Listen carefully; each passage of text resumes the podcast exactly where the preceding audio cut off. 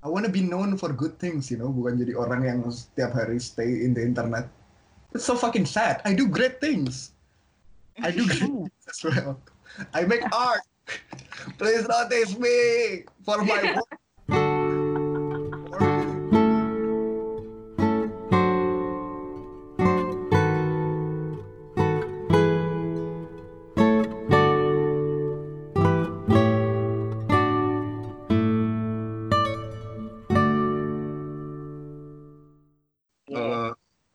Talking about whether or not influencer or internet celebrities have certain level of responsibility for the content they post. What the fuck? This is so heavy, man. Why do you give this? Gue dengerin yang lain yang lainnya fun. They're talking about and animal shit. Sebenarnya ini gara-gara lo juga. Lo tadi ribut sama orang gara-gara mugshot kan. Dan lo tuh akhir-akhir ini di timeline gue terus gitu, ada terus. Makanya gue baca terus kan. Jadi gue ya ke-trigger untuk nge-DM karena itu. gue di sini juga termasuk yang ikutin case ini karena rame gitu. Gue termasuk yang ikutin youtuber luar dan mereka sangat kenceng ngomongin ini juga. Jadi gue pengen lihat point of view lain sih gitu. Tapi Betul. sebenarnya lo lo realize nggak sih ini emang lagi rame juga di youtuber Europe gitu di Amrik juga mugshot ini lagi kontroversial parah gitu. Ya, Feel gue tahu beberapa, beberapa, tapi gue nggak tahu kalau magnitude-nya sebesar itu mungkin. But I know it's becoming an issue juga dari dulu. Mhm. um, probably a couple of days ago. I I get it kok. I get I get the idea bahwa lu nggak mau people tuh to romanti romanticize romanticize. How do you pronounce it? Romanticize. Gimana bro? Kasih. Romantisasi uh, violence. That's true. It's completely true. It's it's. Tapi kalau misalkan kalau ya misalkan kayak gue tahu beberapa captionnya tuh kayak look at me, I'm beating up, you know. Ya. Nah, iya. Kan? Ya. Kayak gitu, that's Iya sih. stupid, ya kan? That's stupid, you know. Mhm. But there are people who actually do it karena they think it's it's it looks good, right? Just because they're good at it, just because they want people to see it. It's as simple as that. Dan mungkin kayak they don't know the magnitude of the problem that they create. Maybe they ju- just don't know, man. Come on, man. Why can't you just be chill? Chill, it's okay. Atau mungkin just remind them bahwa this trend is stupid. Of course, every trend is stupid. Every challenge is stupid. Why the fuck do they even do that? Iya. Gue Iya, kayak gue nggak agree, gue nggak agree with anything that you say on the internet, termasuk challenge-nya itu sendiri. Bahkan gue juga nggak agree, gue nggak peduli itu sih apa. Hmm. Tapi kayak aku defend the right for you to say anything that you want on on your platform, man. Ya. Ya. agree with it, gitu loh. Makanya Hmm. waktu ada orang yang nanya kayak, tapi kan lu kalau punya freedom kan lu harus siap dikritik juga. Ya siap Hmm. dikritik. Ya, it's okay, Cinderella juga nggak salah kalau misalkan dia mau take the photos down. Ya. Suka-suka dia juga. Iya. Eh, gue bisa paham sampai level di mana lo bilang kalau nggak suka ya udah silahkan di block atau mute atau unfollow aja gitu. Cuma it's getting tough mungkin buat beberapa orang kalau misalnya mereka sebenarnya menikmati konten yang lain dari si seleb tweet atau selebgram ini gitu. Mereka nggak mau kehilangan konten yang bagus itu, tapi mereka menyayangkan si konten mugshot ini karena triggering buat mereka misalnya. Jadi mereka merasa harus speak up gitu. Mungkin kalau gue agree, ngeliat agree completely, agree. But don't you think that is evil kalau you think that way? Karena lu ngelihat kayak orang tuh providing content for your needs. You don't like it, so you say kayak gue nggak suka konten ini, gue suka konten yang lain loh. Dan, dan gue kayak, well if you don't like it, then fuck you, man. What the fuck? What- What, what do you Ah. think? I, I just think kayak gitu lah. Gue ngerasa kayak, kayak orang mungkin nggak berpikir kayak gitu. That's that's completely fine. Makanya kayak kalau orang nanya kayak what do you think people should think about it? I don't I don't have any opinion regard regard what people should think. It's completely different thing. I'm a weird Uh, guy. I know. itu akan sangat berbeda kalau udah ada uang di dalamnya. I mean gini, lu kalau misalnya ngomong kayak gitu dari sisi eh, misalnya lu punya lu juga punya cloud, lu punya followers, tapi lu tidak menggunakan mereka untuk mencari penghasilan. Lo bisa bilang begitu. Tapi kalau misalnya orang-orang yang memang bergantung pada itu untuk nyari uang, yang mana mereka juga butuh dong followers mereka berarti they should listen to their followers ya nggak sih? I don't know. Kalau misalkan kayak what do you think what they should do? I don't know. Gue nggak pernah merasa jadi mereka. I've never been in their shoe. I don't know what what I should do, what they should do. Hmm. I don't know kalau misalkan kok mereka punya komersial pertimbangan mereka apa. I don't know. I just think I stand on the principle bahwa I don't ag- gue nggak agree sama anything that you say, anything that you do, but it doesn't mean gue bisa kayak ngomong kayak what you should post or not. In enforcing enforcing kayak kayak kayak agak maksa gitu loh maksud maksudku. Iya, tuh. iya. Bukan yang kayak cuma Iya. ngomong kayak gue disagree gitu. Karena gue ngelihatnya Hmm. kayak kayak salah banget gitu loh kalau misalkan ngepost itu kayak lu doing crime against humanity yang selevel itu gitu kayak lu tuh nggak punya hati lah lu kayak gimana lu sakit jiwa lu insensitive Hmm. lah isn't that ya, ya, ya. Hmm. isn't that Iya, Ini iya. sebenarnya crazy? perkara ini sebenarnya udah udah banyak sebenarnya. Kayak eh, waktu PewDiePie deh gue ambil case-nya ya dia ngomongin soal Nazi gitu di eh, platform dia. Dan Mhm. akhirnya itu benar-benar bikin wave yang gede banget yang dia dia dibilang kayak ambasadornya Nazi lah, far right lah apa padahal just a content dan dia sangat fun bikin itu. Dan gue pun menikmati karena sebenarnya itu hanya kalau yang anak-anak sekarang bilang lah dark jokes gitu. Dan memang Iya, iya. Si PewDiePie ini mainnya sampai di edge banget sampai ke pinggir banget sampai orang yang kayak anjir nih orang sinting gitu. Cuman Hmm, iya. emang akhirnya eh, dia tuh akhirnya bikin post minta maaf yang yang adalah itu sangat nggak dia gitu. Dia tuh sebenarnya yang kayak lo bilang tadi. Tapi gue pikir kayak Hmm. tapi aku pikir tuh PewDiePie juga salah tau. Itu itu itu kabur. Iya. Gimana? itu mau. Itu itu mau dan dia akhirnya minta maaf kan maksudnya eh, dan akhirnya dia take down. Case-nya eh, case-nya menurut gue ketika lo bilang kenapa sih orang jadi nyuruh-nyuruh si influencer-influencer ini eh, apa kontennya apa karena dari yang gue perhatiin nih semua komen platform gitu-gitu karena kebetulan gue sangat interest di situ dan waktu itu gue penelitiannya terkait dengan itu memang mereka akan sort yang paling banyak request apa dan itu yang mereka bikin gitu. Jadi itu loh monet- monetization-nya tuh ada di situ gitu. Itulah kenapa akhirnya fans-fans ini punya, merasa punya hak untuk mengkontrol timelinenya si eh, influencer atau selebgram ini dari situ sih sebenarnya kalau gue ngelihatnya gitu. Karena konten itu asal dari mereka juga kan. oh Nah. jadi itu consumer consumer rights gitu ya hak konsumer Hmm. Yes. karena lu ngerasa kayak lu udah eh, membayar sesuatu Hmm. jadi lu berhak atas consumer protections Ya. Macam itu. jadi kamu ngerasa kayak orang nge-follow itu they're paying you something they're giving you Oh. something kalau aku mikirnya enggak soalnya karena aku mikirnya kayak karena aku mikirnya konsen itu konsen untuk menerima konten itu ada saat lu subscribe atau saat lu follow atau gimana kerja. Misalkan kalau di Twitter ya, gue follow lu misalnya gue aku follow aku follow kamu Kak, terus kayak kamu tuh nge-retweet sesuatu yang super disgusting gitu. Aku tuh punya pilihan tuh cuman ada tiga kan, kayak mau di unfollow, Hmm. canceling my consent, mau Hmm. di mute. Kalau Hmm. misalkan kayak, eh gue masih sebenarnya gue masih mau teman sama lu, tapi kok lu kayak gini sih? Ih, Hmm. Hmm. Hmm. Ya. kalau ntar kelihatan kayak hmm gimana ya? Mute aja lah. Hmm. Hmm. Mute it, bitch. And then kayak Hmm. yang ketiga tuh ya di blok kalau misalkan lu kayak lu ngerasa kayak udah nggak bisa dimaafin lagi nih Hmm. Hmm. Apa your you- your decisions buat nge-retweet ini gitu misalkan atau your decisions buat nge-share ini tuh nggak bisa dimaafin lagi ya gue ngerasa ya udah gitu aja gitu loh makanya aku tuh aku tuh nggak mikir kayak di aku nggak mikir kayak di itu kak aku nggak mikir kayak ini tuh consumer sama produser aku nggak mikir kayak gitu I- aku tuh mikir ini cuma kayak dua orang yang yang satu providing konten yang satu enggak bukan berarti mereka nggak bisa enjoy each other atau I think relationship-nya tuh bekerja seperti itu. For me ya, aku nggak tahu karena aku tuh bukan influencer yang seperti itu. Aku bu I, I hate it man when people call me that. It's disgusting, super you disgusting. are, Fuck is it? you are. Whether you like it or not, you are gitu sekarang. Nah, Karena aku tuh percaya seleb seleb tweet seleb tweet itu cuma definisi buat orang-orang yang udah ngewe sama follower saya.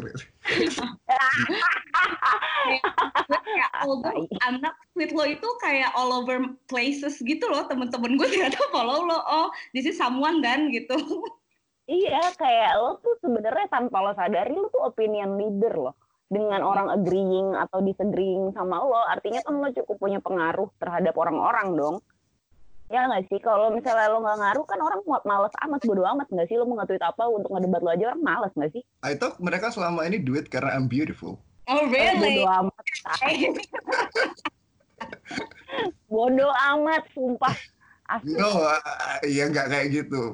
Ya aku mengerti sih at, at certain points the followersnya tuh nambah atau gimana. Tapi kan kayak I don't know why people do it. I still don't know why. You're still not monetizing your tweets then? Some, no? some sometimes ada yang apa itu uh, nawarin endorse gitu sih. I don't think I I say why not. I don't see any harm. I I can do it. Mm. Is considered doing it. Oke, okay. tapi kalau misalnya lo lakuin, akhirnya lo tahu nggak apa maksudnya lo kayak menyadari ada konsekuensi lebih nggak dari tindakan lo itu? Maksudnya ada yang harus lo rubah dari cara lo sebelumnya konten yang lo engage, segala macam cara lo engage ke followers lo sebelum dan setelah monetizing itu? I think selama di kontraknya nggak ada sih, nggak sih. Aku melihat hmm. di kontraknya juga nggak ada. Aku harus behave in a certain way. Hmm. I think so, I think so se seingatku ya seingatku tuh nggak nggak pernah ada kontrak yang yang ngomong aku harus kayak gini gitu biasanya sih directionnya cukup cukup direct ya kayak ini ini seperti ini eh marketingnya kayak gini ini this is what you tweet at this point of time ya udah hmm. gitu dong iya yeah. tapi kalau misalkan emang ada yang ada yang misalkan kayak misalkan YouTube nih YouTube kan sebenarnya kan ngelarang ngelarang rasisme juga kan ngelarang yeah. Ya, hmm. waktu semisalkan waktu PewDiePie itu kayak gitu, aku ngerasa dia emang menyalahi konten uh, agreement yang dia bikin sama YouTube gitu loh. Oh iya. Kalau yeah. orang Instagram itu tuh misalkan orang-orang yang consumer yang ngerasa lu nyalahin aturan Instagram lu karena lu karena lu meromantisir violence gitu loh. Hmm. Ya, lu komplainnya ke Instagram ya dong, jangan ke orang yang bikin kontennya. Make sense gak sih? Kan logic gitu iya, loh. Iya. Kind of kayak kayak kadang tuh bener juga kan don't hate the player hate the game karena playernya cuma playing the game I don't know hmm. how how do you say this kalau misalkan aja misalkan saat sebelum tren ini naik gitu terus Instagram decide di tengah jalan bahwa konten ini nggak bagus terus di take down hmm. ya udah kan ya, udah gitu loh I think hmm. kenapa ini populer at the first time ya karena Instagram allow people to do it karena mereka nggak ngerasa itu violence of anything. Sebenarnya masalah ini kalau masalah di platformnya kayak through all the platforms they have their own problems gitu loh kayak uh, zaman Trump kan Facebook kena tuntut ya sekarang hmm. untuk uh, appropriation segala macam Instagram yang sering cuman emang Instagram ini uh, secara tindakan dia lebih lamban gitu karena mereka belum belum kena shoe mungkin ya segede Facebook sampai masuk ke pengadilan hmm. Amerika gitu kali ya. Yeah. Cuman Instagram sendiri bukannya udah under Facebook ya? Harusnya iya, harusnya mereka pun udah sama sih. Ya yeah, then then sue them man. You're yeah. free. Gue tuh ngerasa ya orang yang semisalkan nggak agree on that itu punya hak untuk ngomong mereka nggak agree on that. Dan hmm. orang yang nggak agree dengan orang yang nggak agree on that juga punya hak untuk ngomong kayak gue nggak agree on your disagreement. Tapi ya. kalau misalnya setelah mereka disagree, ini knowledge deh knowledge usernya mungkin mereka mencari jalan yang lebih cepat gitu. Daripada gue ngontak Instagram dan kan maksudnya mereka nge-tag down uh, konten itu perlu beberapa banyak uh, orang yang ngevote itu untuk menjadi sebuah konten yang berbahaya baru itu benar-benar Instagram yang nurunin gitu. Kalau misalnya ke influencernya mungkin ini ya ini gue nggak tahu mungkin di, ini batasan pengetahuan orang sih menurut gue. Mereka nggak tahu kalau ini stepnya harusnya lo tuh ke Instagram gitu itu sih yang gue lihat iya. kayak nah gitu.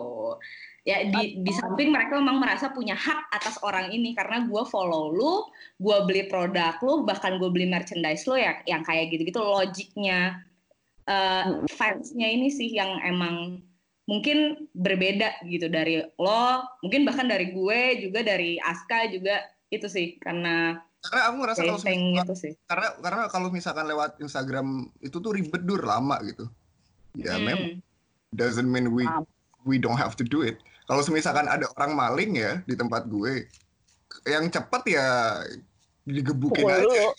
Iya. Tapi kan it doesn't make it right gitu loh. Lu bisa Iya. kayak gitu ya silakan.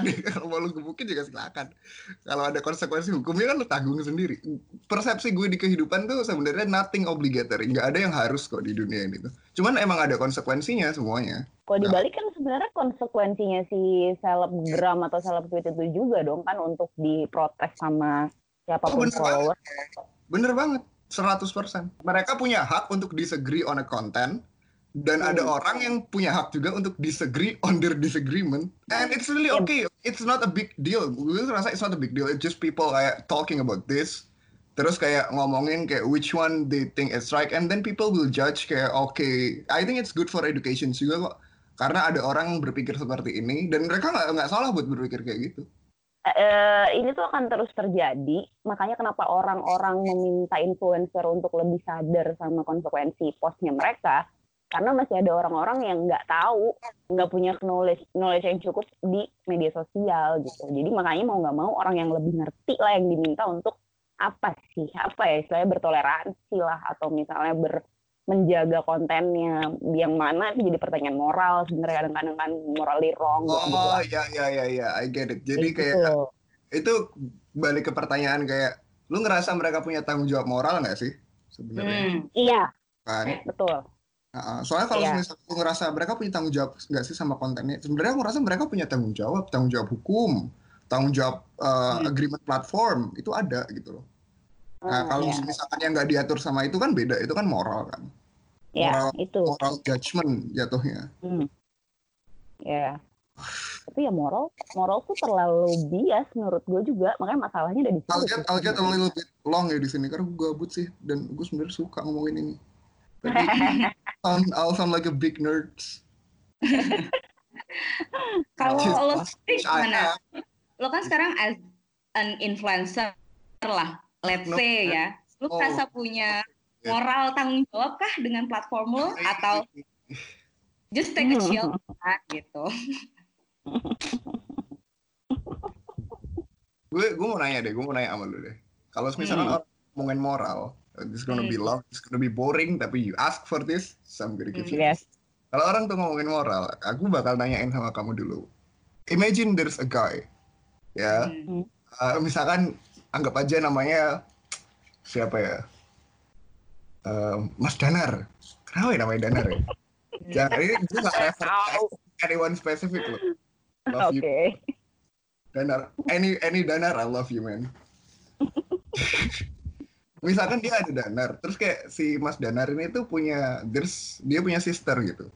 Uh, terus mereka tuh choose buat have sex once Hmm. with condom, pakai kondom di Hmm. pantai. Itu harus di Hmm. pantai. Mereka cuma lakuin itu sekali, and then they say kayak mereka bilang kayak it makes them love each other even more, and they never do it again. Do you think it's wrong? It's problematic for sure sih. Do you think it's wrong? It's a yes or no questions. To me, with my moral standard, it is. Why? Aku aku aku sebenarnya pengen mempertanyakan sebenarnya itu datang dari mana sih? Nah, nah, itu dia. Itu kan lebih Nah, karena makanya, apa? makanya makanya makanya the questions adalah can you explain it why? Why is it wrong? Kenapa you feel kayak it's wrong? It's wrong. It- It's wrong, Dur. Gitu misalkan. Oke, why? Gitu. Can, can you explain why? Why do you think it's wrong? Kayak kalau bisa di pinpoint gitu. Kalau buat gue sih lebih karena platonik. Harusnya mereka platonik aja hubungannya, nggak perlu involving physical. Karena gini loh, dengan adanya physical interaction yang lebih dari sekedar platonis gitu ya, it does, it chemically does something to you gitu nggak sih? Kayak pasti ada efeknya nggak sih di lu? Mau lo Iya, bilang cuma Ada efeknya. Makanya kan makanya they love each other even more. iya maksud. sister. Nah pertanyaannya, is it really as a brother and sister only gitu? Kayak gue Oke, sih kalau misalkan it's not as a brother and sister, why is it wrong? Karena mereka platonis hubungannya harusnya kalau buat gue itu satu ya kita Ya, uh, why? setting aside Why? Why? Why? Why? Why it should be platonic? because they're brothers and sisters gue sendiri nggak nyaman kalau misalnya gue punya adik atau kakak laki-laki yang melihat gue seperti mereka udah pernah tahu gue telanjangnya kayak gimana meskipun It's- mereka it's- It's exactly iya. Aku tahu wh- how do you feel, but why do you feel Hmm. it? So sebenarnya I got this thinking tuh dari a really great guy ya, dari yang nulis book dari namanya Antonio Gramsci. Dia nulis Hmm. Culture Hegemony, Hmm. which is sebenarnya kayak ngomongin kayak gimana kita see right and wrong. It's very interesting concept. Jadi dia intinya dia di penjara kan, dia di penjara di Jerman. Terus waktu dia keluar dari penjara, dia tuh mikir kayak apa nih yang winning gitu loh, komunis atau liberals gitu kan? Hmm. atau apa nih gitu kan dia mikir soalnya waktu waktu dia masuk tuh eh, Jerman tuh was torn apart between itu gitu. Antara liberal atau yang saris ya yang pengen kayak balik ke apa itu Germany Kingdom German Empire. Waktu dia keluar eh ada Hitler lagi enak-enak jadi fasis. And then dia mikir what the fuck is happening bro? Why Iya.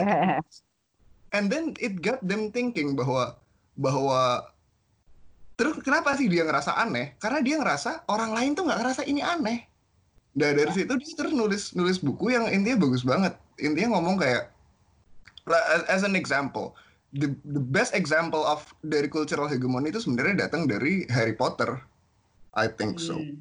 remember waktu Harry Potter tuh waktu datang ke ke the world terus dia ngomong kayak orang-orang pada kayak ngomong lu jangan ngomongin nama Voldemort you have to refer it as you know who and it was like Hmm. Iya iya iya iya. what the fuck dude you can't do that kayak Voldemort what the fuck? But Iya iya iya iya. ya, selama selama bukunya itu nothing happened man. Nothing happened. Nothing happened karena it's just a fucking myth. Ya kan? Iya. tapi tapi orang lain tuh ngerasa it's wrong banget tapi mereka nggak tahu why is it wrong. Hmm. they don't they just they just feel it's wrong. Waktu mereka no explanations on that. Atau waktu Lord of the Rings misalkan they kinda explain the power of the ring kayak itu tuh dibikin kayak gini tapi if if you watch the movie at least you kinda know bahwa they don't actually demonstrate the power of the ring they don't actually explain in details sebenarnya ringnya itu ngapain mereka cuma kayak lu pakai hilang gitu doang terus kayak oke just that Hmm. Terus kayak, tapi people just want it so bad. Dan sampai kita tuh nggak nanya gitu, kenapa kenapa people want it so bad? If I ask you why people want it so bad, gue biasanya kalau nanya orang kayak gini mereka juga nggak tahu sih, nggak tahu. We just kayak think that that the ring is is precious, my precious, you know, Hmm, antisipasinya precious. Even waktu kita nanya si Gollum aja ya, kenapa is it pre- precious for you? Nggak ada yang tahu. Nobody knows. They just assume bahwa there's this power yang makes you attracted to it. Tapi somehow not everyone affected to it. Makanya kayak Bilbo Baggins sama Sam bisa bisa do the missions.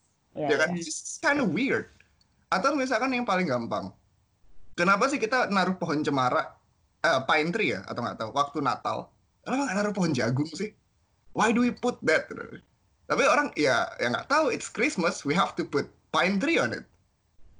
Iya. Tapi kayak if if you ask them kayak kenapa harus ini gitu loh. Kenapa nggak be- beli yang lebih murah aja, men? Karena waktu Natal semua orang beli pohon ini and it's getting expensive. Why do we do this to ourselves gitu loh? Hmm, Tapi ya enggak, it's it's culture ya ya kenapa gitu loh. Sebenarnya sih gue ngelihatnya lebih kepada dari semua contoh yang tadi udah lo kasih, gue gue ngeliatnya lebih kepada iya pertama makanya gue bilang moral itu bias karena semua pasti berhubungan dengan tempat set of values di mana lo dibesarkan gitu kan sama apa yang udah turun temurun diceritakan pasti ada pengaruhnya kalau lo dan Iya. maksudnya Ada ada Iya. yang bagus banget yang ngebahas itu. Namanya apa itu? Why good people are divided by uh, politics and religion. Itu bikinan siapa ya? Itu ngebahas spesifik tentang moral. Moral dia studinya itu gitu. tapi gini studi- studinya itu dan dia tuh ngomong dan dia tuh pertamanya mikir exactly like you and me. Either ini tuh environmentalist, ya kan? Moral itu di affect sama what happening around you atau itu datang dari diri lu sendiri.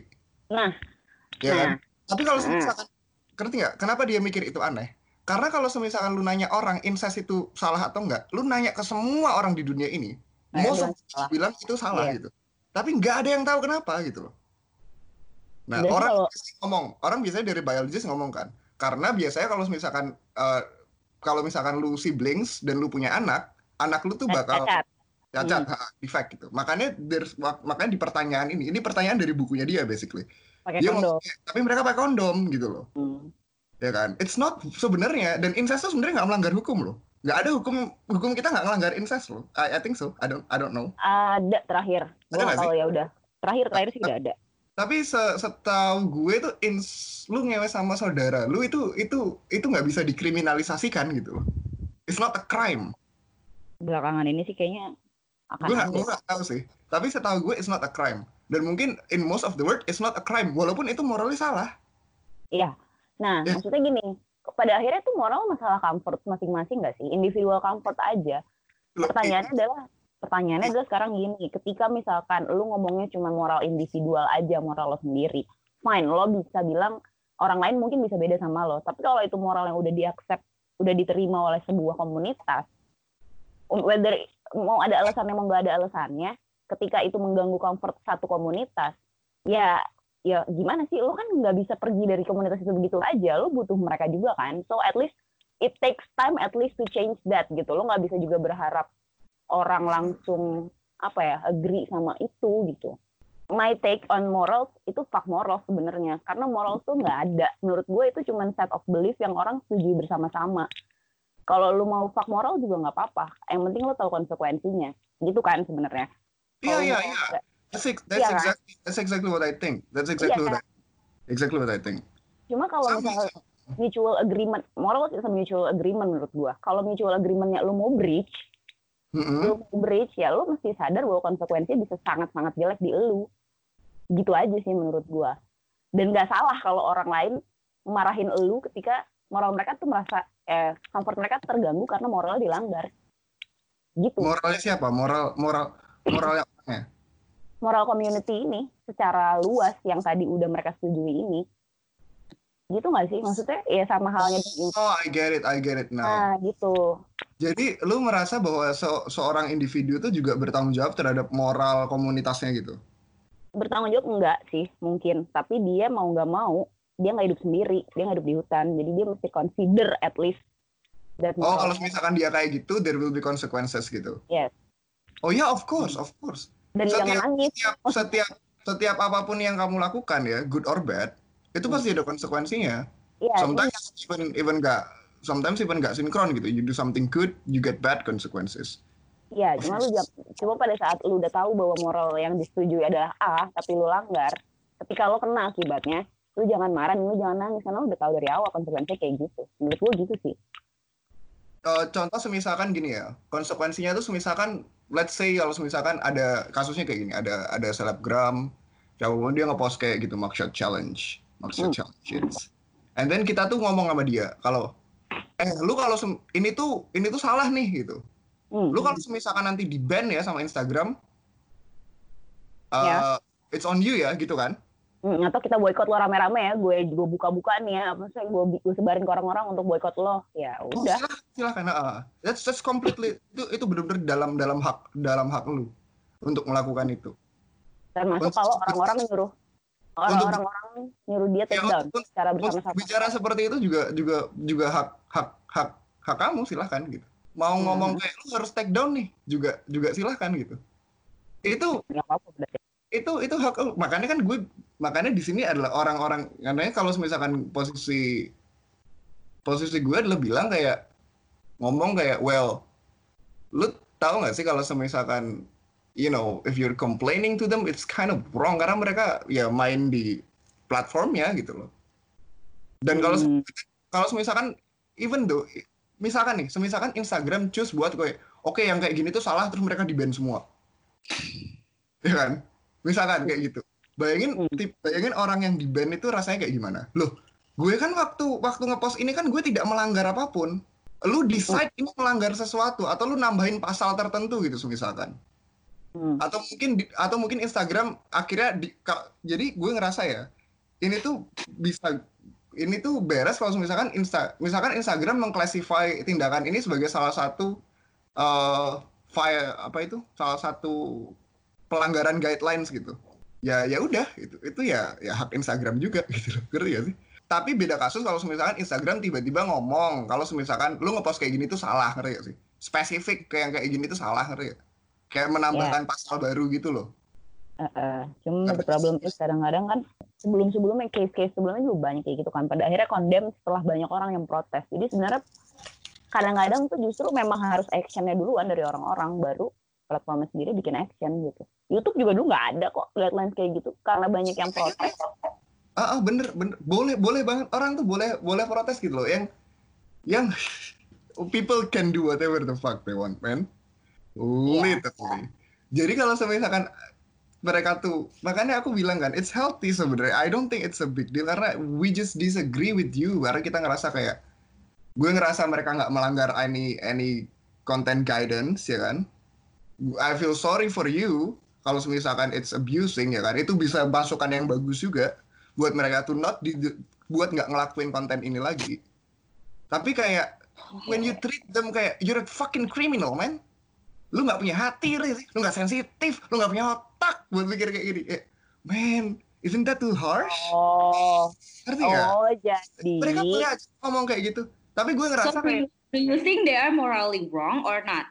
Si Siap. pengepost pengepost mugshot ini morally wrong or not? I don't think it's morally wrong at all Oke. buat dia ngepost anything that dia want to post at all. I think kayak what what apa yang mereka lakukan tuh sebenarnya in a form of art. For me ya nggak tahu mereka maksudnya apa. Oke, Tapi tapi kalau Menurut gue art itu kan bisa bisa anything ya. It's it's like an expression of yourself. Jadi waktu dia mereka do that tuh it's a form of art gitu. Terus orang tuh terus waktu orang ngomong kayak enggak ini tuh wrong ini, ini kayak I just think kayak this is a form of art gitu loh. Apakah ini ada nudity inside it yang melanggar guidelines Instagram kan enggak. Nggak tahu ya. Juga yang make up bugil gue juga nggak tahu gue nggak ngeliat semua kontennya. Terus Hmm. ataukah ada yang misalkan iya problemnya tuh portraying violence di sini gitu, romanticizing violence gitu. Makanya gue Hmm. nanya, tanya aja ke Instagram, is it wrong or not gitu loh. Hmm. Karena gue ngerasa orang tuh bisa do any art that they want, limitless. Ya kan? Tapi Instagram kan juga punya responsibility kan buat menjaga semuanya oke. Jadi mereka punya guidelines. Akhirnya jadinya kan jadi kayak you can do whatever whatever you want asalkan lu memenuhi guidelines ini kan. Ya lu berpikirnya Jadi waktu, sistemik ada, soalnya. jadi waktu ada orang yang ngomong, lu tuh nggak ngikutin guidelines, man, lu tuh nggak sesuai guidelines gitu. Ya lu boleh ngomong kayak gitu, lu boleh ngomong kayak gitu Instagram really. Lu boleh melakukan itu sebagai kayak ekspres. Makanya gue lu bilang kayak, tapi kan dude biasanya Instagram nggak bakal ria kalau kita nggak ngomong. Oh bener banget gitu. Makanya kalau Hmm. kita ngomong kayak gitu nggak salah dong. Nggak salah juga gitu loh. Tapi lu salah nggak sih kalau ngomongnya ke the player? Hmm. ya balik lagi don't hate the player hate the game gitu jadi lu ngomong kayak gue ngera jadi mungkin better ya kalau lu ngomong gue ngerasa this content ini tuh kayak gini dia romanticizing romanticizing violence yang romanticizing violence that's okay I think Instagram tuh harus masukin ini sebagai something yang nggak boleh dipopulerkan ya kan although gue ngerasa sebenarnya semua challenge is fucking stupid man can you just ban all of them Hmm. Bisa sih Hmm, hmm. Well, Yeah. people have fun doing that kan. Gue juga gue juga ngerasa all of them are stupid. Tapi if people have fun doing that, do that gitu loh. Kayak gitu. Kalau misalnya si influencernya nggak salah, morally menurut lo dia nggak salah. Kalau itu orang yang ngeprotes langsung kayak kasus Cinderella ada yang nge-DM dia untuk take down, apakah orang itu morally wrong? Orang yang kalau menurut gue ya dia Hmm. dia salah karena dia ngerasa dia punya hak untuk mengatur hak orang lain. Itu beda loh. Kalau misalkan lu cuma menyuarakan krit- kritik ke orang ya. Kalau misalkan kayak bener-bener kayak, eh lu take down nggak? Kalau nggak, gue apain lu? Gitu ngerti ya, kayak gitu loh. Lu take down nggak? Lu nggak punya hati, lu nggak punya otak ya? Yang udah Iya. bener-bener kayak menekan secara emosional atau secara paksa ngom ya jatuhnya tuh saat kita merasa hak kita tuh terancam gitu loh.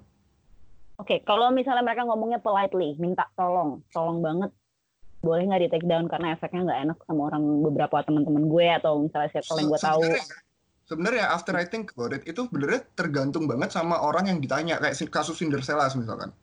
Misalkan Hmm. Cinderella tuh ngerasa itu nggak salah untuk followernya ngomong kayak gitu.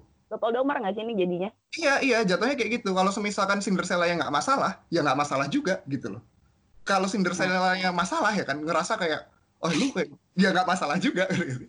Makanya gue dari Iya. awal gue tuh ngomong kayak ini tuh sebenarnya it's a healthy Socrates method ngerti ya.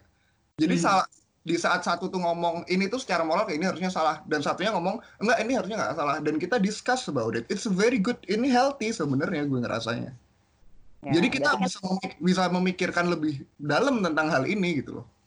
Nah, Oke, personal comfort sebenarnya kan. Jadi tergantung apakah si influencer ini comfortable atau enggak dengan diprotes seperti itu gitu kan. Dan apa pun yang akhirnya dia reaksinya dia kayak gimana pun balik ke Hmm. dianya juga dan dia boleh bereaksi seperti apa pun maksudnya gitu kan. Bener. Ini barusan gue agak baca-baca uh, policy-nya Instagram sih. Uh, Mereka ini sangat amat mem- apa ya membahasakannya tuh bener-bener diambang gitu. Nggak ada yang kayak violence tuh gini atau pokoknya nggak ada yang memang guidance yang bener-bener clear gitu. Uh, different sama si YouTube sama uh, YouTube sama Facebook sekarang mereka bener-bener udah men, apa mendetailkan semua aturannya. Berarti sebenarnya dalam hal ini dan kalian sebenarnya tahu kan ini tuh sebenarnya trennya dari TikTok bukan dari Instagram dulu. Iya. Nah, Wow. Aku nggak tahu kalau nah ini tuh emang crossing platform parah dan berarti eh, apa ya authority-nya itu sebenarnya ada di platform tetap emang balik di platform. Dan kebiasaannya si platform ini memang menunggu cloud-nya bagaimana keributannya bagaimana baru mereka memperbaiki aturan. Memang seperti itu yang dilakukan sama eh, para pemegang big data ini gitu sih. Kalau Ya, aku- gue ngeliat dari Aku selalu ngomong kayak gini. Misalkan ada orang ya protes masalah masalah misalkan eh, salah satu partai di Indo itu bikin kebijakan yang jatuhnya eh, eksklusif gitu ya. Misalkan Islam yang agak Islam eksklusif gitu. Terus mereka marah-marah, bilang kalau wah ini tuh salah gini gini gini gini. Aku tuh selalu bilang sama mereka, ini prosesnya tuh konstitusional. Hmm. Mereka perjuangkan ini di DPR ya kan, legal diratifikasi jadi hukum gitu. Hmm. Maksudku adalah, walaupun kita nggak setuju sama itu, tapi mereka ngelakuin ini constitutionally. Iya, like it Ya or not ya. Ah, like it or not, lu nggak lu nggak bisa. Ini tuh ini tuh democratic battle dan mereka menang gitu loh. Ya, semua kebijakan yang yang lu nggak yang yang, yang lu nggak setuju. Sama kayak ini juga. Jadi saat lu nggak setuju sama sesuatu, lu do it constitutionally, maksudnya sesuai guidelines juga. Misalkan lu ada report button kan, lu report, terus lu kemukakan apa yang lu nggak suka di situ. I think that's better. Kalau lu mau komentar di bawahnya, itu juga suka-suka lu juga. It's okay. gitu. Tapi yang salah adalah saat lu mulai nge-DM orang itu, terus lu ngancem-ngancem, kalau misalkan lu nggak take down, lu bakal begitu. Lu neror, lu ngatain dia nggak karu-karuan. Karena itu jatuhnya udah harassment kalau menurut gue. Itu lu yang melanggar hukum. Jatuhnya tuh malah ngerasa dia melakukan sesuatu yang benar, tapi jatuhnya melanggar hukum. kalau kalau udah kayak neror dan ya Iya. Itu udah Iya, iya sih. Iya. Jadi, jadi orang yang mengkampanyekan bahwa ini tindakan yang salah itu tidak salah. Karena mereka punya hak untuk untuk menyuarakan concern mereka. Yang salah caranya kalau udah sampai ke mereka sendiri pun sebenarnya engaging violence gitu kan. Verbal abuse. Kalau semisalkan, jadi kayak gue ngerasa, makanya gue bilang ini tuh healthy dari awal. Karena gue nggak ngelihat ada orang yang bener-bener kayak neror kayak kacau, terus kayak menganggap ini tuh the end of the world atau gimana gitu loh. Hmm. Ya punya hak kok silahkan, silahkan, nggak nggak masalah. It's it's not a big deal man, it's not a big deal. Iya. Sebenarnya emang ini tuh silly sih. Maksud gue orang work Ya up. apa, it's fun. Come on lah. Ya udah juga di rumah. Mau ngapain lagi sih lu? Look at me, man. It's 10.15. And I, oh, enggak, gue nggak bisa ngomong. And I beep, beep, beep, beep. Aku Jadi tuh yang paling apa dasar lu ngerasa kalau semisalkan lu punya hak atas konten orang lain itu sih basically. Kalau men- menyuarakan opini ya itu beda loh. Orang yang menyuarakan kritik tuh dia merasa dia tidak punya hak untuk apa itu untuk konten orang lain, tapi dia berpikir bahwa dia punya hak atas opininya. ya, That's beda, very dua hal different thing. Itu dua hal Iya. yang beda banget. Lo Kalau orang tuh pernah ngefans sama orang apa sesuatu kayak lu pernah nggak sih ngefans yang bener-bener suka banget sama ini platform gitu pernah nggak lo ada di posisi itu oh maksudnya gue nggak pernah nggak sih gue ngefans sama orang terus dia turn out to be shit gitu. iya Hmm. kayak lu ngefans Iya, banget iya. sama dia Ya ya ya ya ya. Ya ya, gue pernah lah banyak tuh yang kayak gitu. nah, nah Apalagi itu gue kan uh, hmm, orang-orang gila ya kalau misalkan mereka melebihi batas kegilaan tuh kayak oh, aduh parah juga misalkan kayak gue, gue dulu suka banget R. Kelly it's oke. Hmm, wow. Ya, oke. Ya. Wow, wow. R in R&B bro. Dia tuh the one who put R in R&B it's oke. big. Come on. Kayak dia tuh beneran bisa nyanyi ya kan? Tapi terus kemudian dia dia kasus pedofil. Terus dia tuh per, dan karena dia kasus pedofil men lu tau gak sih? Dia tuh pernah punya album bareng sama Alia. Iya, betul. Ya, terus tau nggak title albumnya apa? Age Apa doesn't age, age is just a number atau age doesn't count gitu. Oh my god. Dan- oh, gue kayak baru masuk ke kepala gue kayak ngentot lu bangsa. kan gue dengernya sekarang jadi ruin gitu ya. Gue dengerin sekarang tuh kayak ngentot, goblok. Iya, iya, iya. Rasa kayak tai banget sih dia tuh kacau. Udah gitu lu yang lu inget ya waktu dia ditanya waktu interview kan, do you like teenage girls? Dia kan ditanya kayak gitu kan, do you like teenage girls? Dia jawab kayak, when you say teenage, what do you mean by it? Like how young? Ah, tai. Wah, udah. nih orang itu gila. Tapi berarti tindakan lu hanya berarti lu berhenti ngefans. Udah that's it gitu ya. Udah Dia gitu. fans dan gue bilang kalau pedofilia itu wrong. Oh, oke. Udah. Kar- Karena kalau di fandom logic gitu ya, maksudnya kayak si eh, semua selebgram ini kan punya fandom ya. Sekarang mungkin jatuhnya fandom gitu, maksudnya punya kumpulan fans fans gitu.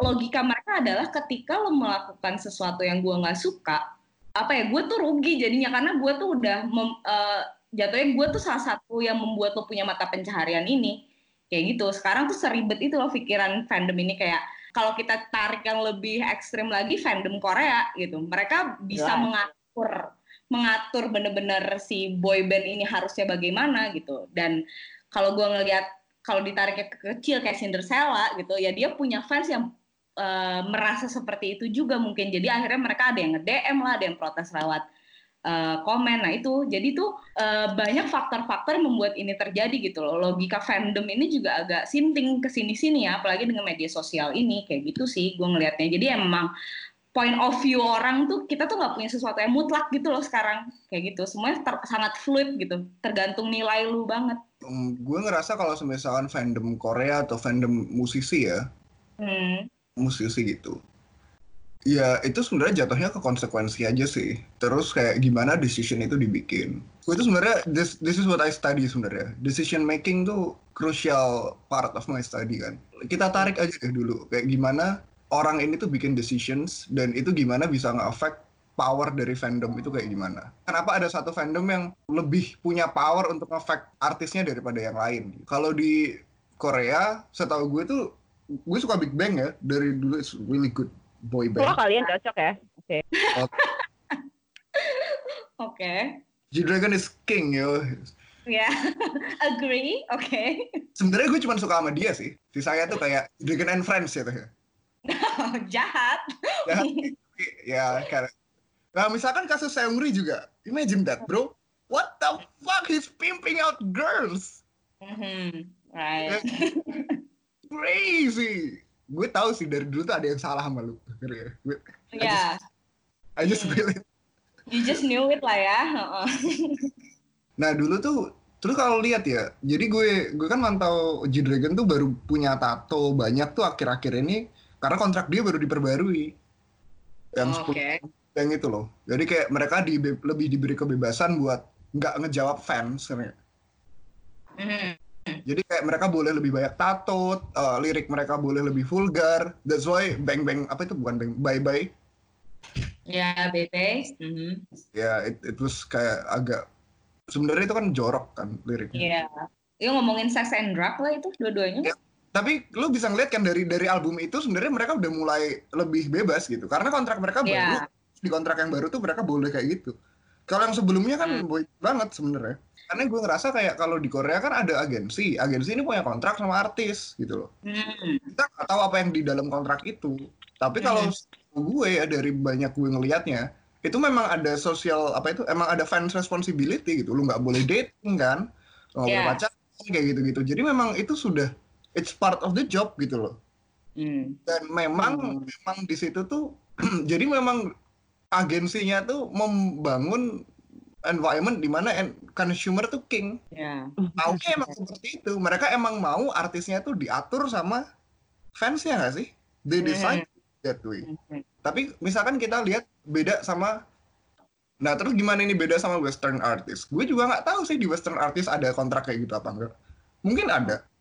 Tapi kalau gue ngeliat ya kalau di misalkan The Weeknd dia uh, memilih untuk mirip personanya kayak Michael Jackson gitu. Jadi dia nggak mau ada terlalu terlalu dekat sama fansnya gitu.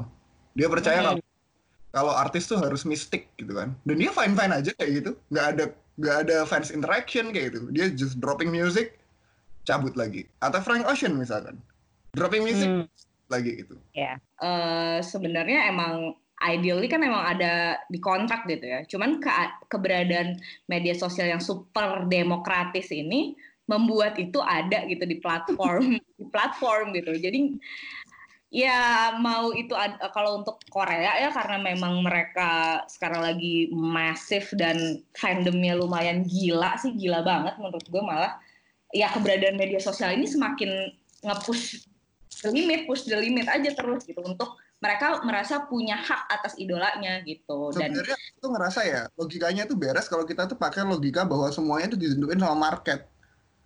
Kalau kita tuh semuanya tuh ditentuin sama supply sama demand-nya itu. Jadi kalau Mhm. semis- kita ngomong kayak Hmm. jadi kalau misalkan di di Korean gitu ya. Kalau misalkan lu ngomong ya karena karena ada Instagram itu kan jadi amplify gitu. Sebenarnya gue ngerasa it's not nggak nggak nggak beda jauh kok. Kalau misalkan lu nggak suka sama sesuatu ya, misalkan lu fandom sama sesuatu, lu nggak suka sama dia.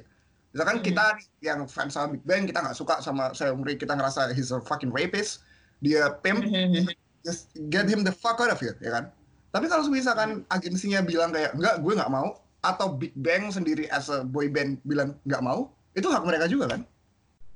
Iya, Hak kita adalah untuk betul, tapi akan akan mencederai eh, ke depannya gitu. Berarti akan ada kehilangan fans yang mungkin yang secara number mungkin nggak terlalu besar, cuman tetap mereka akan kehilangan fans sih. Kayak lo, gue juga ngikutin maybe kayak ini. maybe kayak gitu, maybe kayak gitu. Tapi it's not always like that. Karena lu Mhm. berpikir bahwa sesuatu yang buruk tuh bakal lead to something yang bad kan? Itu that's your Mhm. assumptions number one. Number assumptions number two adalah if you think bahwa ini tuh something yang buruk. Mungkin orang yang choose buat stand up ya. Mungkin orang yang choose buat stand up. Enggak, gue nggak mau delete this post. Gue nggak mau take down this post. Gue mau stand up for my own opinion. Hmm. Mungkin mereka juga bakal bakal nambah followers loh mungkin. Gue nggak ngerti sih if it's significant or not. Gue nggak ngerasa followers tuh currency buat nunjukin bahwa lu ngelakuin sesuatu yang bener atau yang salah. Kayak. It's, it's stupid. Iya. It's hard to think bahwa something tuh nggak baik dan nggak buruk ngerti nggak sih? Something just something. Thing just things. It doesn't have Hmm. right or wrong. It's really hard to think that way. I I completely understand. But if you if you get it ngerti gak sih? Ya konsekuensi ya ada, tapi good konsekuensi atau bad konsekuensi ya nggak tahu. Yang jelas adalah yang yang yang we know adalah when someone make decisions ya to do that, dia udah mikir bahwa apa pun konsekuensinya, he will take it. Ya. Hmm. Ya, we can, we can see that through Karin juga sih. Maksudnya Iya. whatever. gue mikir ya kalau misalkan sebagai selebgram atau siapa pun sebelum dia make decisions konsekuensinya tuh dia juga udah mikir konsekuensi apa yang bisa gue terima dan ap- konsekuensi apa yang mungkin gue bisa terima tapi dilindungi sama hukum ngerti misalkan lu Hmm. menyuarakan sesuatu yang tai banget gitu tapi lu dilindungi hukum gitu karena itu masih sesuai sama hukum lu gitu ya nggak apa-apa gitu loh ya konsekuensinya mungkin hukuman sosial atau Hmm. mungkin rewarding sosial karena orang ngerasa you stand up for your opinion. We Nah, can semuanya kan- we don't know. Semua ada every- marketnya, anjir. Iya, ada exactly gitu loh. Nah makanya itu kenapa gue sering ngerasa kayak eh, lu lu pernah ngelihat gak sih kayak sometimes ada orang yang lu ngerasa keren banget terus kayak followernya cuma tiga ribu. Terus lu ngerasa ada orang yang ini apaan sih? What are you doing here? Tapi followernya 5 juta gitu. Makanya gue bilang kayak it's good. Itu ilusi banget men. Tapi ya mungkin whether cool or not ya itu dari gue juga gitu. Itu yang itu tuh cuman menginformasikan satu hal ngerti gak sih? Bahwa ada market yang besar untuk orang-orang seperti ini dan ada market yang segini untuk orang-orang seperti ini Iya betul, itu benar.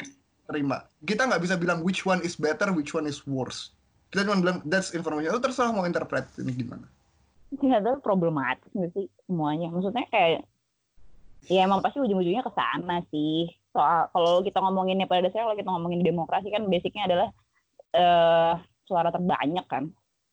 Semua kembali ke sana juga gitu loh. Ya, maksudnya populer nggak populer juga kan pada akhirnya lebih- tadi Demokrasi, currency. demokrasi itu ya sebenarnya itu juga versi buruk loh versi buruknya dari politik kan Iya memang. Basically itu kita ngomong diktator by majority itu sebenarnya versi buruk.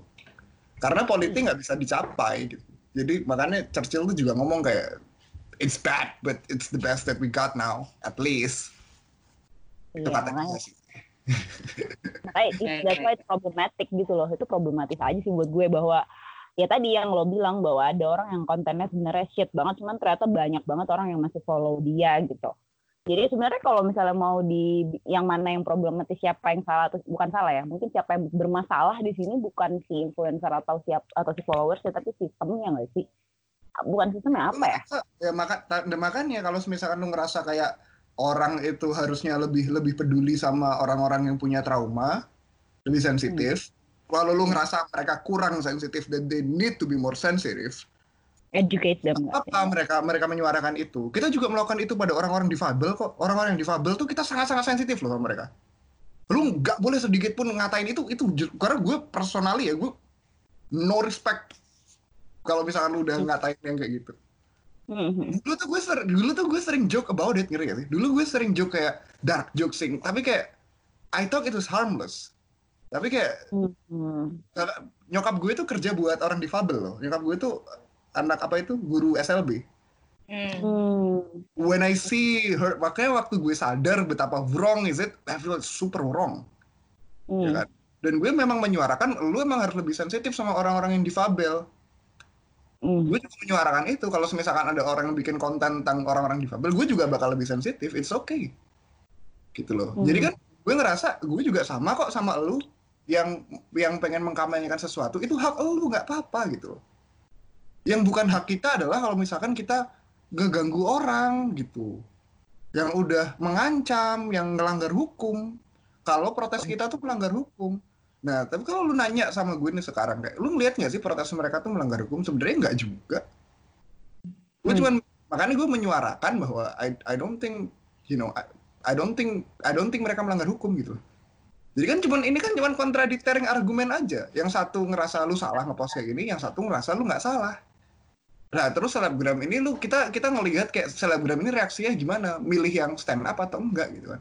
Terus lu ngeliat dan lu lu nanya gue kan, kayak harusnya mereka stand up atau enggak sih Dur gitu. Ya gue ya terserah mereka dong.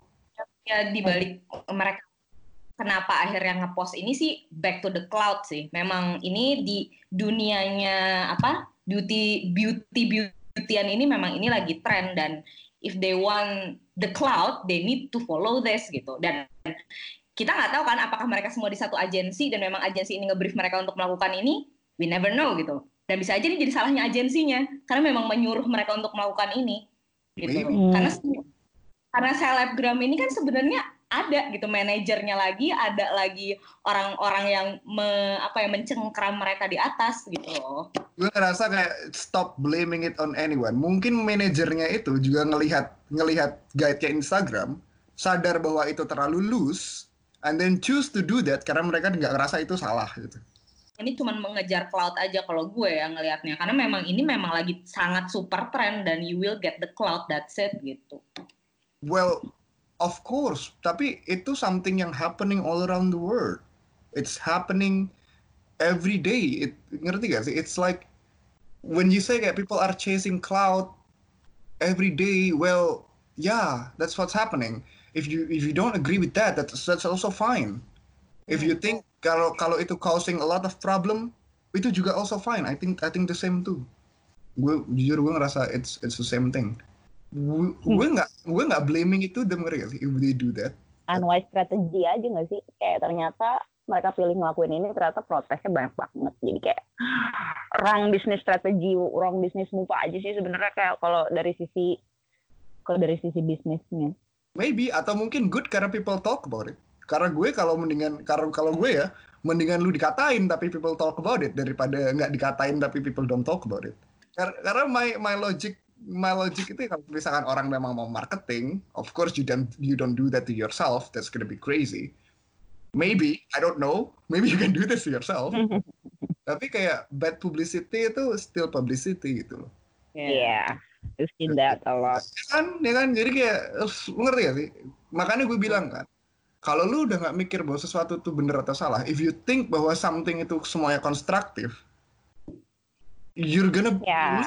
Nggak bakal judgmental ke anything karena ya ya mau gimana lagi tapi gini loh, Dur, maksud gue kan orang untuk stand up gitu ya. Kalau tadi lo bilang semua orang boleh stand up, boleh ngomong, eh, menyuarakan apa pun yang mereka pikirkan gitu. Itu kan dalam era media sosial yang kayak gini, di mana semua orang bisa ngomong dan bisa nyerang lo, takes balls to do that, ya nggak sih? Untuk lo eh, apa ya, mengkritisi sesuatu tuh butuh keberanian saat ini gitu. Karena lo bisa aja diserang balik juga sama orang yang mungkin juga nggak baik caranya gitu kan. Jadi kadang-kadang gue melihat orang-orang kayak yang nge-DM Cinderella itu sebenarnya juga bukan karena mereka nggak mau menghormati, tapi karena mereka nggak berani juga sebenarnya kalau harus kritik harus apa ya harus kritik besar-besaran ke si Cinderella yang takut kalah gitu loh. Loh iya dan itu bodoh. Orang dia Enggak. orang. She's just Iya. people. She's just people. She just has a lot of followers. Lu tau gak sih dulu waktu zaman orang ngomong saya nggak takut sama selebtot. That's completely right. There's nothing to fear. Iya. Why the Seleb- fuck? Ken- kenapa? Kalau kalau karena bok nggak tahu ya bokap gue itu selalu ngajarin gue kalau lu ngerasa bener, ya kalau lu merasa benar dan kamu percaya in the core of your heart setelah lu mempertimbangkan semuanya karena bahwa yang kamu percaya itu benar, ya ngapain takut? Ya, tapi kan ini sama, lu inget gak sih pernah ada kasusnya Aukarin dulu versus apa sih eh, desain ilustrator apa sih? Ini Ya, nggak sih yang di Twitter, ya ya, kan? yang anak FSRD. Kenapa Iya, dia? yang anak ya, aduh, yang gosip deh, gosip deh, gosip. Come on, come on. Spill it, spill it. lu tuh eh lo tuh practically tinggal di Twitter kenapa lo bisa nggak tahu masa sih itu ya, gue sekarang dikenal sebagai iya yang tiap jam ada tweetnya gila nah terus. Intinya jadi si anak SR ini dia eh, dulu tuh pernah bikin bikin apa sih kayak eh, ilustrasi sesuatu lah pokoknya yang akhirnya tuh dipakai sama Karin di Instagram media tanpa mencantumkan kredit kayak gitu. Nah terus eh menurut kesaksian dia, menurut kata-katanya dia, dia udah pernah sebelum sebelumnya tuh dia udah pernah kayak nge-DM atau apa untuk tolong di take down atau at least kasih kredit gitu. Cuman itu nggak ditanggepin. Oke. Nah waktu si Oh, Karin kemarin, iya nggak ditanggepin. Nah terus abis itu kan Karin sempat gede eh waktu aktivisme, social activism dia waktu demo-demo itu kan dia turun segala macam. Heeh. Nah, pada saat itulah akhirnya si gue nggak ngerti malah menurut si anak SR ini dia nggak terima aja secara apa ya secara personal dia nggak terima karena Karin sekarang kok lo sosok image lo sosok baik tapi sebenarnya ada hal-hal yang lo gak selesaikan kayak masalah kredit gue itu gitu Oke. akhirnya dia dia bikin eh, di Twitter dia dia bikin lah tuh dia dia buka bahwa dia pernah nge DM segala macam pokoknya dia dikasih ke orang-orang Oke. akhirnya dia naik lah tuh orang-orang mendukung dia setengah mendukung dia setengahnya masih ya fans-fansnya Karin ngedukung Karin gitu Oke. akhirnya dia yang dia yang kalah dia yang nyerah karena udahlah gue off Twitter dulu gue nggak mau ada di sini karena akhirnya dia terancam secara hukum karena di apa sih dia disu sama Karin hukum? Ini disu sama Karin soalnya kayak bukan disu sih kayak si Karin mau ngajak Karena ngobrol- eh, Karin ngobrol. bawa bawa pengacara jatuhnya jadinya ke tuh orang. iya bawa lawyer gitu So, ya, ya sudah tuh. Ya emang dia nggak konstitusional kalau dia bawa lawyer. pokoknya si anak SR ini jiper duluan gitu loh Dur karena mungkin dia tidak punya kemampuan yang sama untuk hire lawyer juga dia Iya, juga iya, mungkin iya, iya. Aku ngerti nggak nggak semuanya bisa afford lawyer. I can't afford lawyer. Kalau misalkan ada orang bawa lawyer ke gue, gue juga jiper juga. Tapi dia bawa lawyer kan konstitusional kan?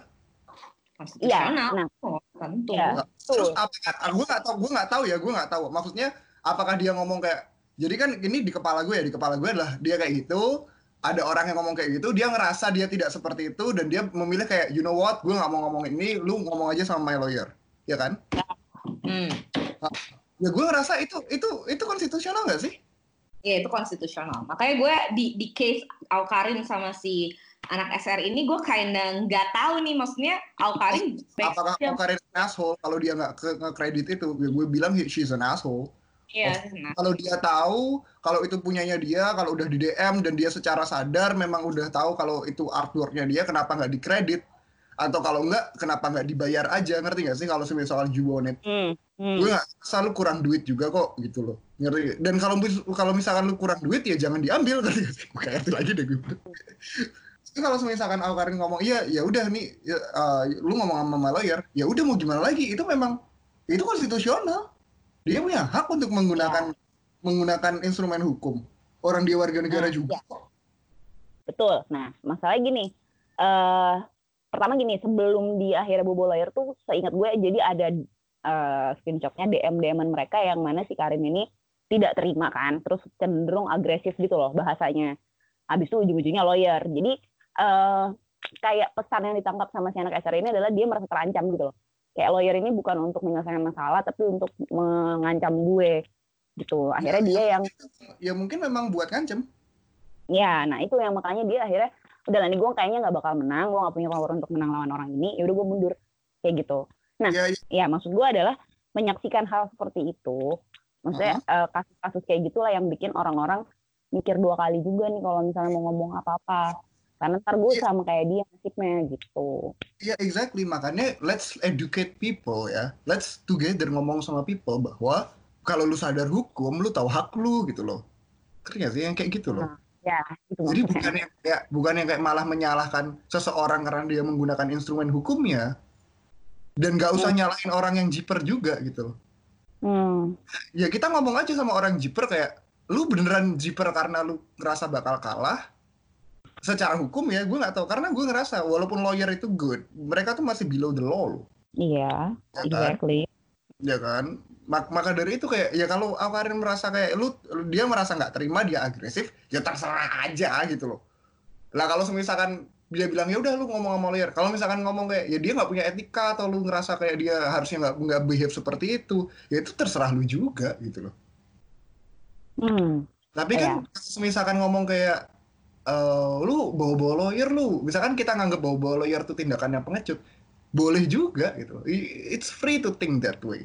Tapi Karin kayak gitu kan dia di itu kan gue nggak tahu ya gue nggak tahu hukum sih. Tapi gue merasa kayak kalau lu ngomong ke orang ya gue ngerasa kalau lu ngomong ke orang gue nggak mau ngomong sama lu lu ngomong sama my lawyer itu hak hmm. hak orang gitu. I mean banyak orang yang melakukan itu gitu dan itu tuh itu tuh tindakan hukum yang cerdas menurutku. Karena lu lu takut lu mau ngomong sesuatu yang salah lu nggak mau ngomong sama orang ya lu ngomong sama lawyer. Daripada gue ngomong sesuatu salah malah digunakan hmm. against me. Ma, kenapa kita malah nggak nge-reward behavior yang menurut gue cukup oke okay gitu loh. Ya cukup itu, itu itu menurut gue itu malah mengajarkan tau gak sih? Lu jangan ngomong kalau nggak ada lawyer lu kalau lu ngerasa bakal ada masalah hukum. Ya karena persepsinya orang pada umumnya adalah karena memang sudah maksudnya Alkari sudah terlihat ya maksudnya dia punya value yang kurang baik di mata orang yang cukup banyak gitu. Jadinya ya udah gitu ngelihatnya ini adalah oh Alkarin tuh abuse. Jadinya karena dia dia punya uang, dia punya power dengan followers segala macam. Itu yang uh, rame kemarin itu jadinya itu. Iya. Gue ngerasa ya, gue ngerasa ya semua selebgram atau siapa pun itu atau seleb tweet atau apa pun how do you say orang yang punya banyak follower kalau misalkan mereka menggunakan followers ya untuk campaigning on something, untuk hating on something, maksudnya menggunakan tuh yang actively mengajak ya.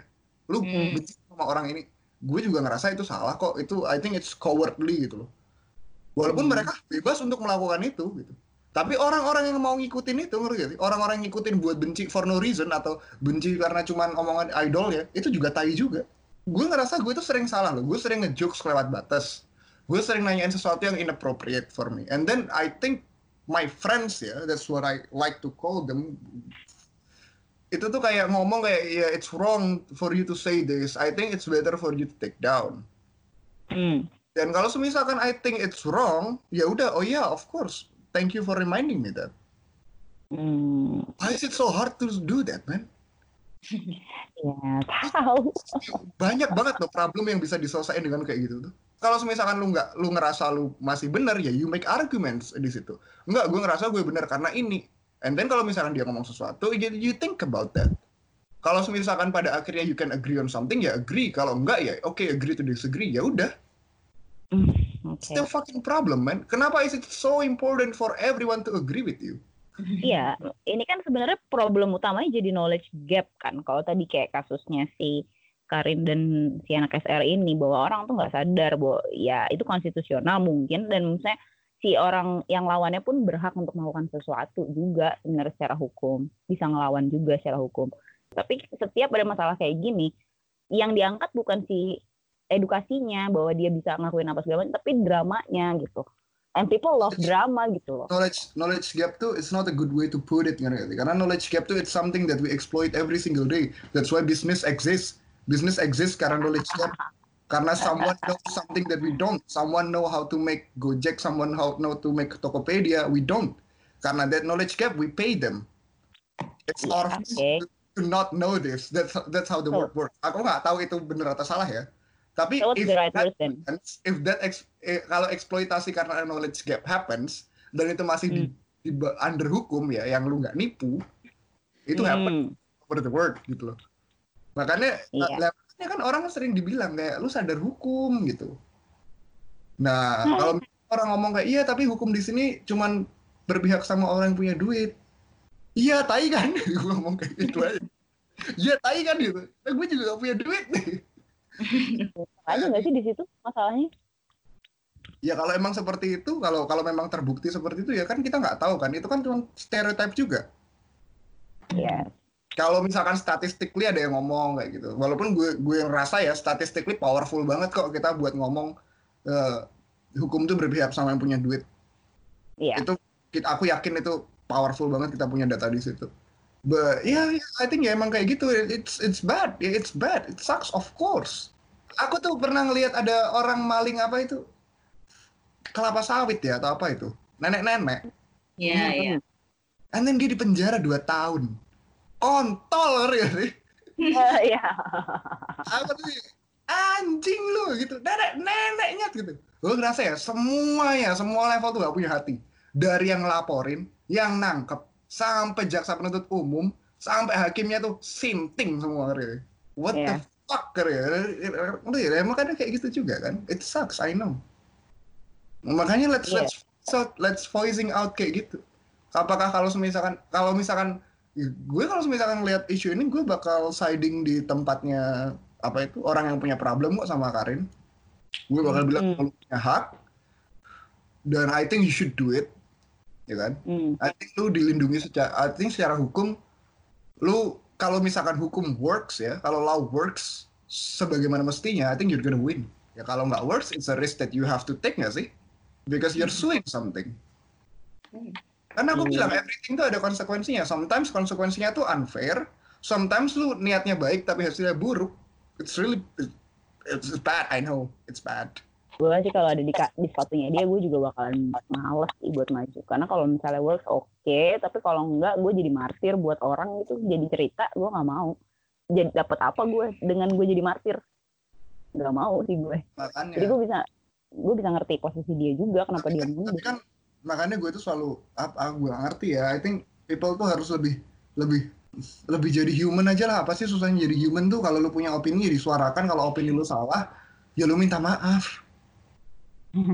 But it's so hard from doing that. Kalau lu ngomong kayak this is something that is weird that we have to talk about I don't think it's weird. It's very simple problem with very simple solutions.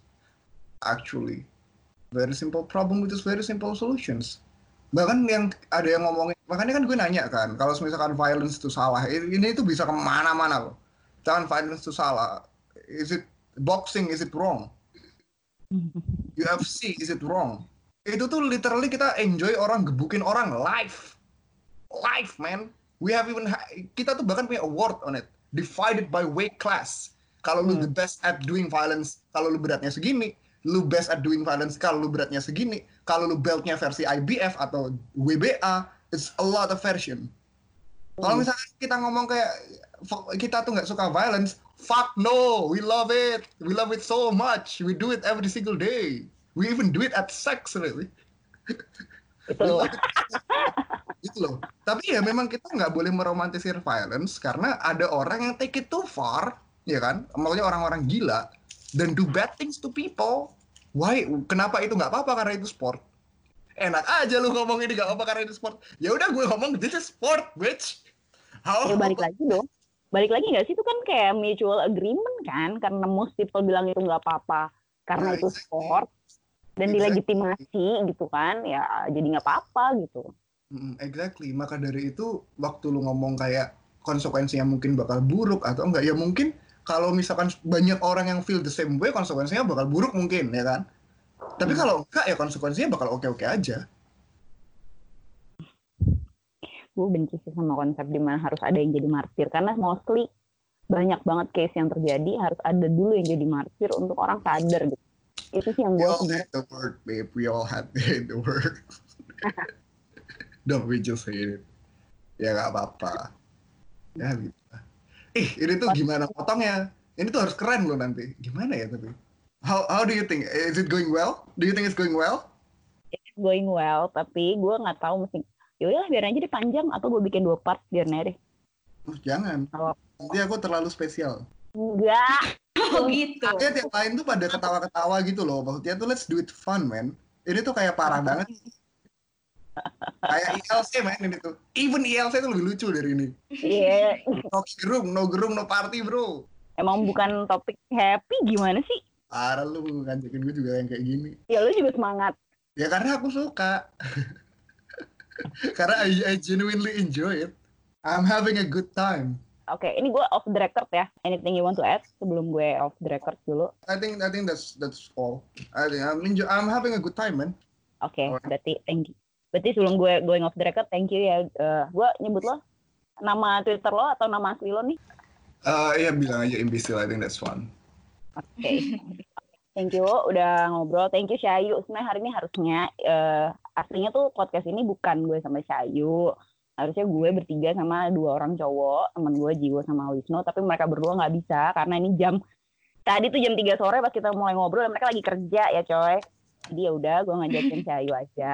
Ini hari Sabtu Ya kan? udah, Ini hari Minggu, Nyet. come on, Oh ya sorry. come on. Dia nggak tahu hari. Iya, tapi ya udah ya namanya buruh. Minggu mau kerja. Jadi ya Oh, udah. iya. Nggak nggak beda jauh kok. Iya kan, ya. So, jadi ya udah.